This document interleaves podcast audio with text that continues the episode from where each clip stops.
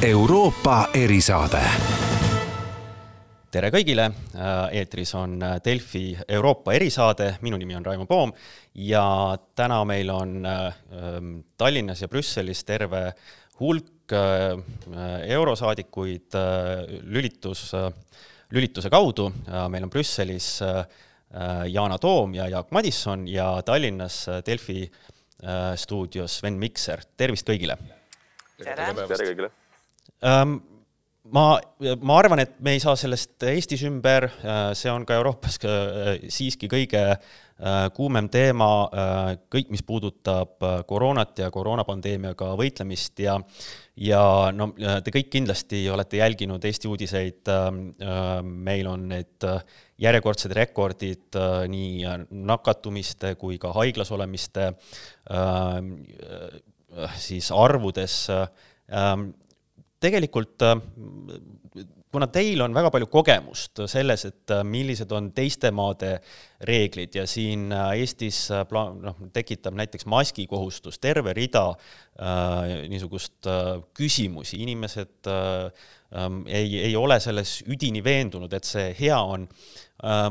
ma just mõtlesin, et, et võib-olla küsiks teie käest, kõigi käest, et, et kas, kui te vaatate Euroopa pilti, siis millised on teiste riikide nii-öelda suhtumised äh, maski ja kas nad ähm, või teiste riikide inimeste suhtumine, näiteks kas või Belgiaski, et, äh, et äh, kuidas need võrd-, näevad välja Eesti taustal ja, ja, ja kas seda siiski peetakse efektiivseks äh, siis ka koroonaviiruse eest hoidumise meetodiks, et võib-olla alustame äh, Jaanast jah, ma just istun siin, just praegu tirisin maski ära, sest on lubatud see ära võtta ainult stuudios ja siis, kui operaator juba läheb eemale. ma leian, et see on väga hea asi, aga Tallinnas ma olin eelmine nädal, ma olin täitsa nagu hämmingus, kui ma avastasin, et ma istusin taksosse, taksojuhti olime maskita, ma küsisin, miks te maski ei kanna ja ta vastas mulle hästi tähtsalt. ma pole veel veendunud, sellest on kasu ma pole veel endale asjad selgeks teinud, ma ütlesin, et kuulge, te olete taksojuht, äkki peaksid virusoloogid olema need, aga no siis tuli terve see vandenõuteooriate asi, eh, kiibistamine, see kõik. et eh, see ei ole lihtne Eestis, eh, siin see töötab. Belgia, tõsi küll, läks lockdown'i teisel novembril, kui ma mäletan õigesti. Ja kui me läksime lockdown'i, siis meil oli üle kahekümne tuhande uue nakatumise päevas. praegu on kolm tuhat, eile oli kolm tuhat kakssada. Nii et peaaegu seitsmekordne langus, mis tähendab, et need meetmed töötavad. Koolid samas on avatud, koolid on kõik avatud, tõsi küll, lapsed on kõik maskides. nii et ma arvan, et kui meie inimene ikka ei teadvusta endale, et see asi töötab, siis Eesti jõuab sama sinnasamasse, mis on väga kahju. Äh, Jaak, äh, kuidas äh, sulle see näib? siin ma suuresti nõustun kindlasti Jaanaga, et siin tuleb nagu kindlasti mainida seda, et õigus on ju paljudel tehnoloogiaekspertidel ja viroloogidel, et maskil ja maskil on väga suur vahe. noh, ka mul on ka see mask olemas, võin kõigile näidata, et et ma kannan maski seal, kus on nõutud ja, ja seal, kus nõutud ei ole, siis üldiselt ma muidugi noh, värskes õhus pargis jalutades ma ikkagi üritan viilida sellest. et tihti teatud piirangud on põhjendatud, ka maski kandmiskohustus on täiesti põhjendatud kuid seal tuleb ka muidugi noh, mõelda selle peale, et igasugune kate mis vähendab piisknakkuse levikut, on parem kui mitte midagi. ja need kõik need ulmeeksperdid ja vandenõuteoreetikud, kes siin räägivad nüüd kiibistamisest ja sundvaktsineerimisest, siis noh, siin ma kutsuksin nagu ikka natukene tervele mõistuslikkusele, et äh, aastatel kaks tuhat kaks, kaks tuhat kolm, äh, kui oli suur SARS-i pandeemia käimas Hiinast üle siis eh, see saadi pidama puhtalt tegelikult tänu maski kandmisele. siiamaani pole veel kedagi seal sundvaktsineeritud kuskil Jaapanis või teistes eh, idamaades. Ja tänu sellele maski kandmiskohustusele saadi ka nii-öelda koroonaviirusega võitlemisel hästi kiiresti nii-öelda kontrolli alla süsteem, et seetõttu see on eh, nii-öelda igal juhul, see on efektiivne kuid samamoodi noh, ma olen ka näinud, ütleme siin-seal võib-olla selliseid nagu jaburaid piiranguid, et kus tekib noh, selline nii-öelda loogiline seotusetus, et äh, kuidas takistab koroonaviiruse levikut see, kui sa pead öösel kell kaks äh, koera jalutades pargis maski kandma. et noh, on, on jaburaid asju, mis ei ole kuidagi põhjendatud. sa ei tohi koera jalutada Brüsselis no, kell kaks öösel. õige, ma unustasin öelda, et nüüd on see reegel ju, et sa isegi ei tohi öösel koera jalutada, sest väidetavalt, kui sa lähed öösel kell kaks koera jalutama, siis sa levitad viirust. õhtul kella kümnest on lockdown, hommikul kella kuueni vist, kui ma ei eksi et no on sellised täiesti noh, tõesti ma ütleks lolle idiootseid reegleid, millel pole mitte ühtegi loogilist põhjendatust. et äh, muidu on loomulikult pannakse ööklubid kinni, et inimesed ei pidustaks, ei leviks viirus kuskil siseruumides, kus inimesed karjuvad, eks ole, ennast üle kõva muusikaga higistavad. Aga no kuulge, et noh, et öösel spordi tegemine või õhtul jalutamine, no, no, no see, see ei ole põhjendatud, et seetõttu ma ütleksin, Eesti puhul on siiamaani kõik ikkagi lähtutud ikka tervest mõistusest. Ja viimane nädalavahetus, kusjuures ma pean ütlema, et üleöö tekkis maskikandjaid isegi tänava peale hüppeliselt juurde seal laupäev, pühapäeva hommikul, kui ma hakkasin ülikooli minema, siis tänava peal inimesed vastu kell kaheksa hommikul. ma vaatasin, iga teine oli maskiga, et noh, ma tahaks öelda muidugi, et värskes õhus vast maski kandmine pole väga põhjendatud okei okay,, ähm, Sven, äh, mõlemad äh, Jaak ja Jana mainisid äh, tegelikult kogu seda vandenõuteooriat ja, ja niisugust valede, valede levimist, et et noh, teistes kontekstides on Euroopas oldud väga mures, noh, räägitud, eks ju, demokraatia ja, ja valimiste kontekstis ja nüüd ühtäkki me näeme seda niisugust väga palju vandenõuteooriaid selles nii-öelda meditsiinilises pandeemia kontekstis, et et ähm, kas, kas ja kuidas nendele üldse vastu saab hakata? Eks see on väga suur väljakutse ja see näitab tegelikult, see, see on, see näitab tegelikult meie ühiskondade haavatavust igasugustele valeinfokampaaniatele. et maskidest kõigepealt äh, noh, terve mõistus, mõistuslikult loomulikult, et ei ole mingit äh, põhjust, on, on väga ohtlik äh, vastu sõdida maski kandmisele ja mõelge kas või niimoodi, et kui te olete rahvast täis trammis ja, ja inimene, kes võib aga võib ka mitte olla viiruse kandja, juhtub aevastama teie läheduses, kas te sooviksite, et tal oleks mask ees, mis need piisad kinni püüaks või ei soovi. ja ma usun, et, et peaaegu sada protsenti inimestest ütlevad, et jah, ma soovin, et sellel inimesel oleks mask ees. ja ilmselt see inimene soovib ka, et teil oleks mask ees, kui teie aevastate. nii et, et kindlasti on see mõistlik. ma arvan, et üldse neid piiranguid ei peaks inimesed viimase piirini testima ja ka venitama ega eh, need piirangud on tegelikult seotud sellele, et vähendada kontakte. tegemist on viirusega, mis levib inimeselt inimesele. ja mida rohkem on neid eh, mitte esmatähtsaid kontakte, seda rohkem paraku on ka seda viirust ühiskonnas. aga ega ükski neist, nendest piirangutest ei, välja arvatud täielik eneseisolatsioon, ei kaitse kedagi sajaprotsendiliselt.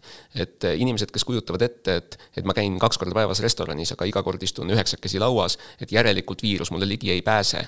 Need inimesed saavad tegelikult nende piirangute mõttes asjadest valesti aru. ka need inimesed, kes ütlevad, et ma lahkun igal õhtul kõrtsist kell kakskümmend kolm, viiskümmend kaheksa ja, ja viirus ju enne südaööd ei ründa, ka nemad saavad nendest piirangutest valesti aru. Need piirangud on mõeldud selleks, et viiruse üldist levikut ühiskonnas saada kontrolli alla.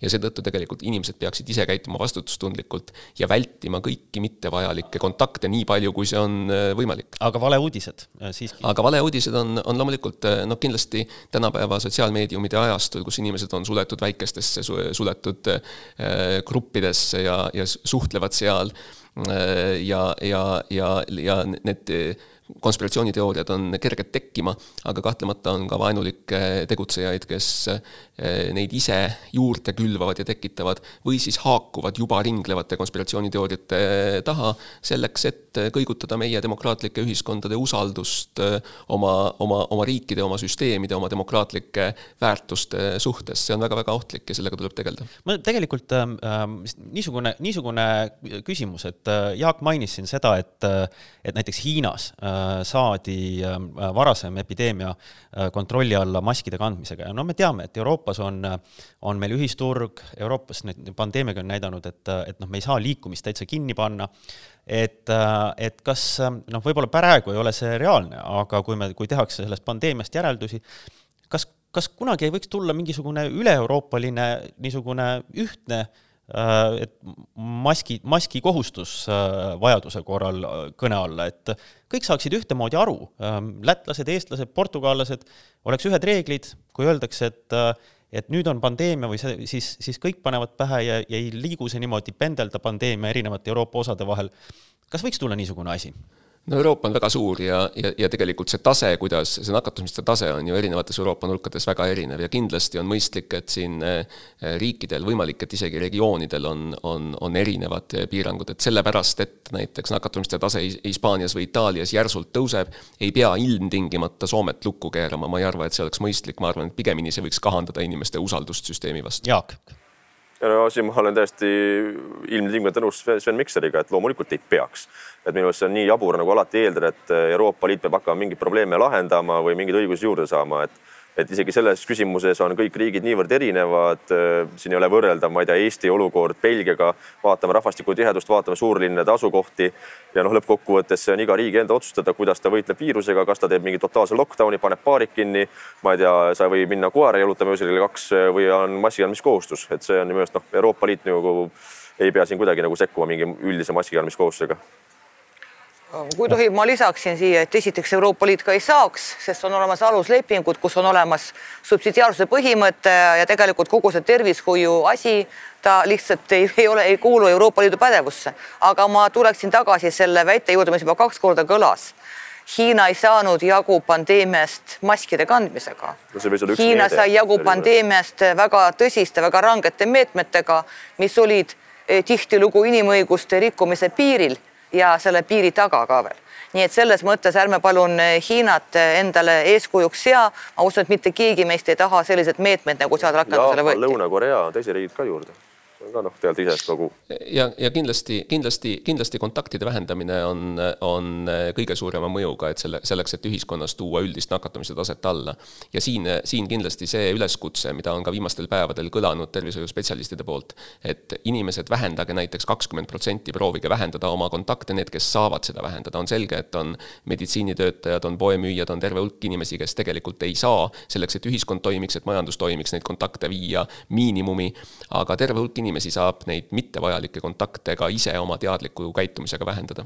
aga kui siin äh, maske, maskikohustust ei saa üldiseks teha, siis, äh, siis samas teise poolega Euroopa Liit tegeleb väga aktiivselt, mis puudutab äh, vaktsiinide toomist Euroopasse ja, ja nende siis heakskiitmist, et et siin on noh, Eestigi valitsus võtab osa nendest ühishangetest ähm,. kuidas sellega on, et, et kui palju parlament jälgib seda või, või, või et niisugused et kui need vaktsiinid hakkavad tulema, et kõiki liikmesriike koheldaks võrdselt ja et oleks olemas kõik need nii-öelda äh, laialijagamise skeemid, et kõik saaksid ühel ajal seda äh, neid äh, uusi vaktsiine, Jana no siin ma hakkasin valetama, kui ma ütleksin, et ma olen hästi asjaga kursis, ma ei kuulu vastavasse komisjoni kahjuks.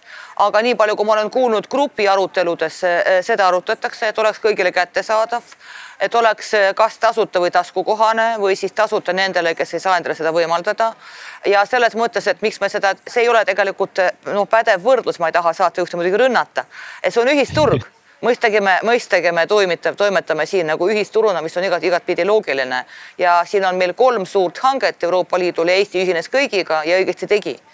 Nii et noh, lihtsalt praegu, praegu arutatakse seda logistikat, kuidas seda kõike transportida, kuidas seda äh, hoida, sest üks vaktsiin pidi olema ainult miinus seitsmekümne kraadi juures, teine on miinus kahekümne kraadi juures.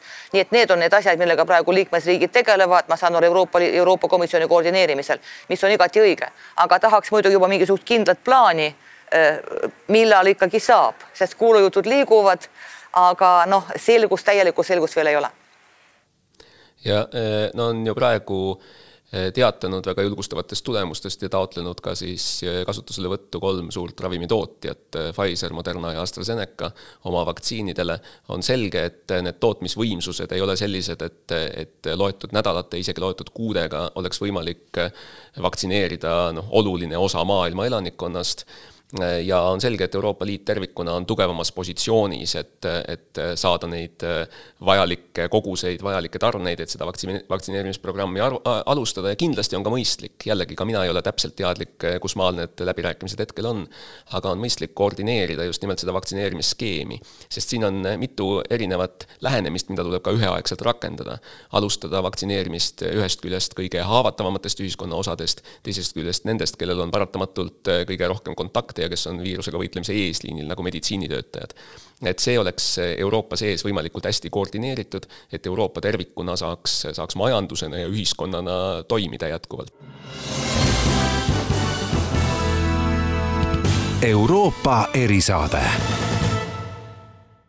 ähm,. aga äh, vaataks vaktsiinidest natukene kaugemale ja tegelikult siin see ühisturu ja, ja, ja see teema viitab sellele, et et äh, USA-s on nüüdseks üsna kindel, et äh, jaanuaris tuleb äh, võimule siis uus president Joe Biden ja Euroopa Liidus ma vaatan, pannakse väga palju, Euroopa Liidu liidrid just ürit-, panevad väga palju panuseid sellele, et nüüd hakkab täiesti uus ja uskumatu koostööajastu USA ja Euroopa Liidu vahel, küll hakatakse kliimakoostööd tegema ja ja, ja vaatama erinevaid küsimusi, mis vahepeal on äh, siis president Trumpi ajastul ähm, äh, mitte nii hästi läinud, kui mitte siis vastuvookslikult läinud.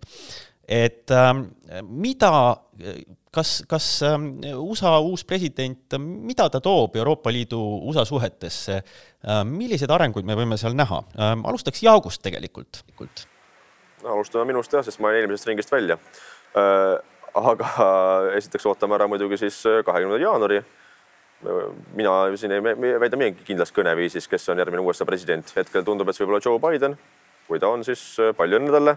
samal ajal hetkel tundub, et äh, senat jääb vabariiklaste kätte.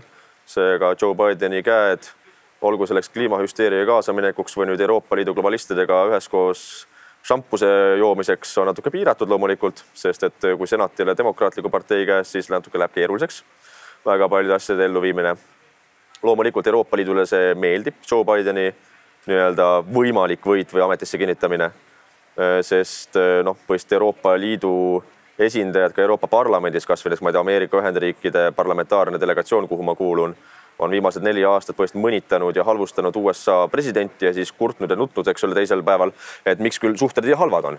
et äh, seega nemad on loomulikult nii-öelda väga selgelt vasakule kaldu liberaalid, globalistlikud, kelle jaoks Trump oli nii-öelda kurjuse kehastus ja nad ei saanud, saanudki sellest aru, et see oli jällegi kaks tuhat kuusteist Ameerika Ühendriikide rahva vali, valimistulemus ja nende tahe. kui nüüd Joe Biden juhtub võitma, siis äh, loomulikult neil on jällegi rõõmupäev.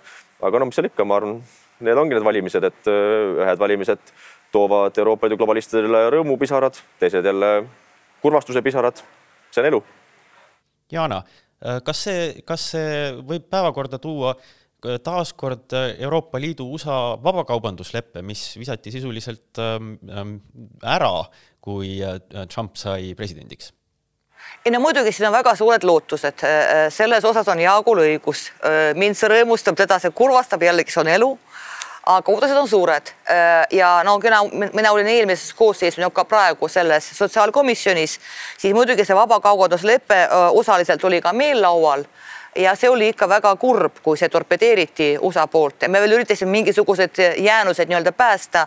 käisime seal läbi rääkimas, et kuidas me ikkagi tagame oma töötajate õigused USA-s ja vastupidi, mis me teeme pensionistaažidega ja see kõik ja see oli väga naljakas, sest see oli mingi poolteist aastat peale Trumpi valimisi ja kõik vastasid meile, kuulge, me ei tea, kellega pöörduge pöör,, kellega rääkida, proovige rääkida, rääkida Ivankaga. see oli nagu väga naljakas, et lihtsalt see kogu see värk ei töötanud. nüüd muidugi on suured ootused, aga Jaagul on jällegi kahjuks nüüd minu kahjuks nüüd mina valan globalist pisaraid, õigus, et senat ei ole nende käes et saab olema raske. Ja siin on veel üks aspekt, mida ma vaatan, kui ma loen Eesti lehti, siis väga palju hakkab silma selline ahaa, nüüd meie radikaalid, meie parempoolsed, meie EKRE said nagu pihta, nüüd neil hakkab halvasti minema. no ei hakka, peab ikkagi vaatama asjadele adekvaatselt, meil on oma neid hulle pool Euroopat täis, olgem ausad. et see, et üks Trump ei osutunud valituks, ei tähenda, et äh, ka parempoolsed Euroopas lüüa said, ei saanud sest see Trumpi fenomen, ma ei tea, Orbani fenomen, Moravetski fenomen on ju selles, et osa inimesi tunneb, et neid ei esindata. Ja see on probleem, millega tuleb tegeleda, mitte et vaadata, kes, kes kaotas ja kes võitis, aga suhete osas ma arvan, et see püüe kindlasti on Bideni need parandada, aga kas tal see õnnestub sellisel määral, nagu praegu Euroopa loodab, no siin ma küll kindel ei ole. Sven no Bideni administratsiooni esimene eesmärk saab muidugi olema see, et äh, kokku nõeluda see Ameerika ühiskond. Äh, ja no teisest küljest rõõmustamiseks on selles mõttes põhjust, et Biden tõepoolest äh, tõenäoliselt rohkem kui Trump soovib taastada Ameerika sellise moraalse liidri rolli demokraatlikus maailmas nüüd äh, Bidenil saab kindlasti olema keeruline. Äh, senati tulemus on ju tegelikult veel lahtine, praeguse seisuga on viiskümmend vabariiklast, nelikümmend kaheksa demokraati, kaks Georgia senati kohta valitakse viiendal jaanuaril, kui toimuvad järelvalimised. Äh, seal on kaks istuvat vabariiklasest senaatorit, Kelly Leffler ja ja David Perdue ja, ja nende vastu kandideerivad kaks demokraati, siis Warnock ja Ossoff ja küsitlustes on tegelikult need seisud täiesti tasavägised, nelikümmend kaheksa, nelikümmend üheksa mõlemas, mõlemas võistluses. noh, kindlasti saab see olema järgmise kuu-pooleteistkümne üks põhiline, põhiline lahingutanner Ameerikas sest kui senat peaks kukkuma viiki, mis ei ole päriselt võimatu, siis hakkab otsustama asepresident Kamala Harrise hääl, mis tähendab, et demokraadid saavad väga napi enamuse. kui seda ei juhtu, siis, siis mõistagi senatil on võimalus blokeerida vähemalt mingi osa Bideni kabineti nominatsioonidest Äh, Biden juba on väga nii-öelda sihtinud väga tsentrisse, pahandanud ära ka oma demokraatliku partei selle progressiivsema või vasakpoolsema tiiva mõnevõrra. nii et ega tal lihtne ei, ei, ei saa olema. mis puudutab koostöö taastamist Euroopaga ja nii-öelda laiema rahvusvahelise koostöö taastamist, siis äh, kindlasti on mõned äh, sellised väga selged asjad, mis äh, see administratsioon teeb teistmoodi. üks neist puudutab kindlasti kliimakoostööd, kus ollakse tunduvalt avatumad. teine, ma usun, naasmist WHO-sse või tervishoiualast koostööd, mis on praegusel silmapilgul väga oluline. vabakaubanduses ma ei ole üldse väga optimistlik, et kui me vaatame tegelikult näiteks nelja aasta taguseid Hillary Clintoni positsioone või mitmete prominentsete progressiivsete demokraatide, näiteks Elizabeth Warreni positsioone, siis ega demokraatlik partei ei ole sugugi universaalselt nüüd äh, vabakaubanduse äh, usku.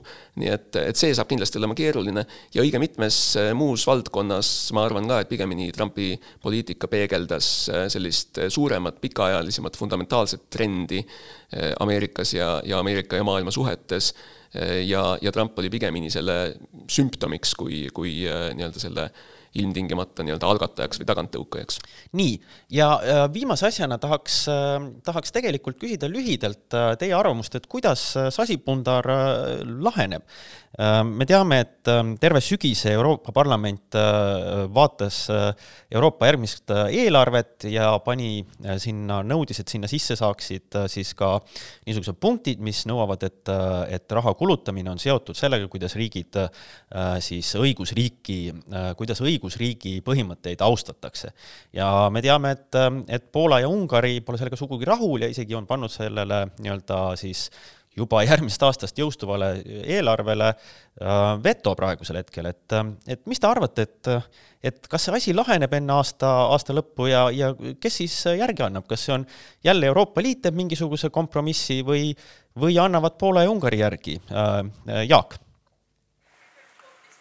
ega ma nüüd Igor Mang ennustaja ei ole loomulikult, et ega noh, kes seda täpselt teab, mis kuupäeval see asi nagu lõpuks laheneb, hetkel viimastel päevadel olen kuulnud, et Euroopa Parlament planeerib erakorralisi istungeid mõni päev enne jõule ja mõni päev peale jõule, mis on muidugi eriliselt nagu kentsakas ja naeruväärne, et et ma tahaks teada, mismoodi siis ka, ka peale jõu, jõulupühi tullakse kohe see erakorralist istungit pidama. see võib olla üks põhjus, ma täpselt, mul ei ole informatsiooni, et, et mis, mis see agenda või päevakord saaks olema, aga noh, fakt on see, et kiire sellega on Euroopa Parlament eelmine nädal jõudis juba nii-öelda ülbelt teha avalduse siin nii-öelda siis tippjuhtide tasemel, et nemad ühtegi äh, sammu tagasi ei tee. ehk siis nagu näha, et nad väga ei, nagu ei saa aru sellest, et Poolal ja Ungaril oli igati juriidiline seaduslik õigus panna veto, kui nende õigusi kahjustatakse nii-öelda mingi noh, jutumärkides õigusriigi põhimõtte panemisega rahastuse tingimuseks, rahastuse saamiseks, mis on Euroopa Liidu maksumaksjate raha, sealhulgas ka Poola-Ungari maksumaksjate raha õigusriigi klausel, millega pekstakse poliitiliselt Ungarit ja Poolat sellepärast, et kas ei taheta migratsioonikvootidega ühineda või, või piiratakse nii-öelda mingit seksuaalõpet, nii et ei noh, ma tean ka seda, ütleme muidugi äärmusliberaalid ka siin räägivad, et Poolas, Ungaris on, eks ole, kohutavad inimesed võimul, kes tapavad naisi ja keelavad aborte et noh, fakt on see, et Poolal, Ungaril on õigus veto panna. see on tõsi kusjuures. kui kokkuleppeid ei saavutata Euroopa Parlament on olnud niivõrd ülbe ja ennast täis, et nemad ühtegi sammu tagasi ei astu. okei okay,, ärgu siis astugu, saavadki siis kriisi ja järgmine aasta lahendagu seda kriisi, kui pole eelarvet vastu võetud. et noh, fakt on see, et lõpuks peab see kuskil kompromiss leitama. ma siiralt ei usu, ma ka poliitiliselt ma ei usu, ma arvan ka Yana Toom ei usu seda, et Poola-Ungari valija neelaks selle alla kui nüüd äh, Poola ja Ungari mõlemad ütlevad, et äh, noh, et vabandust, okei okay,, et me ikkagi võtame nüüd veto maha ilma ühegi sisulise muudatuseta. seega tõenäoliselt kuskil ja. see kesktee leitakse, kompromiss leitakse, kas see nüüd detsembris või jaanuari alguses, kes seda teab Jana jah, ma lihtsalt tahtsin öelda seda, et esiteks siin on levitatud le,, levit-, levitatakse järjekordset pooltõde.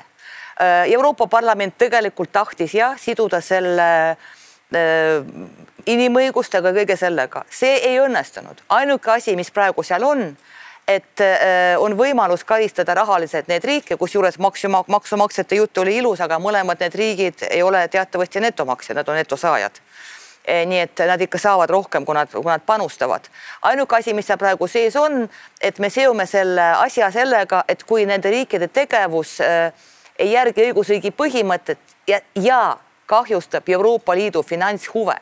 Tegelikult äh, praegu ei Orban ega Moravetski pole selle põhimõtte vastu veel eksinud muidugi meile teeb muret kogu see abortide värk ja kogu see eh, kohtusüsteem Poolas ja nii edasi. mida nad praegu teevad, on puhas väljapressimine, mina ennustan, ma pole ennustaja Edgar, aga ma ennustan, et detsembri keskel on asi lahendatud ja väga lihtsalt, need lihtsalt ostetakse ära. Mis tähendab seda, et see klausel sinna jääb ja nemad saavad mingisugust raha juurde. Ja kogu asi, aga see, see on minu meelest parem kui ükskõik mis, mis teine lahendus, sest see annab meile tulevikus võimaluse ikkagi mõjutada seda rahade saamist äh, just sellisel viisil. muidu läheb see asi täielikult käest ära, nii et mingisugust pistmist geiabielludega, abortidega, migrantidega sellel konkreetsel konfliktil ei ole see on vale. kaklus algas peale sellest, kui kaks tuhat kuusteist Ungari saatis pikalt Euroopa Liidu migratsioonikvooti. õigus, õigusriiklus, õigusriiklus on kindlasti üks Euroopa Liidu toimimise aluspõhimõte ja, ja, ja see on teema, millel tegelikult Euroopa ei, ei saa ega tohi äh, kompromisse teha.